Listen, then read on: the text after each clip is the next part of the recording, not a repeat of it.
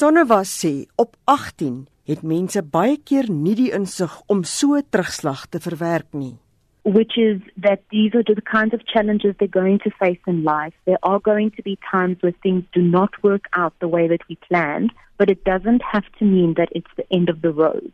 So it's very important to listen to how they're feeling about the outcome and to allow them to talk.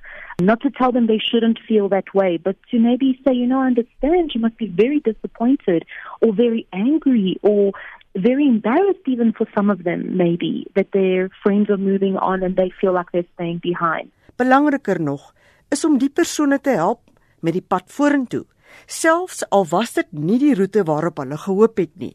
Volgens Tanowa bel baie mense Sadek omdat hulle angstig is related to what their marks are or the marks that will be released, what they're going to be.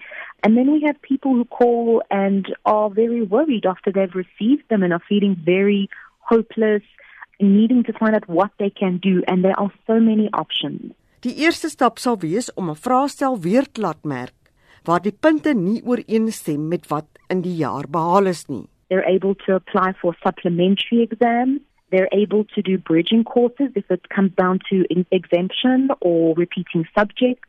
If they have to repeat the year, they can consider doing it at a different school if they feel like they don't want to go back to the school once all their friends are gone. Some students even choose to take a gap year, maybe gain some work experience. They might do some of the subjects, correspondence, or part time.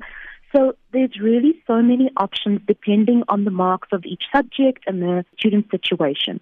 Desi Tsonnewa is die woordvoerder van die Suid-Afrikaanse Depressie en Angsgroep SADC. Matrieks wat sukkel om hulle uitslae te verwerk, kan SADC op 0800 21 22 23 of 0800 567 567 skakel. Die webruimte is www.sadc.org. Mitsi van der Merwe, SAK nuus.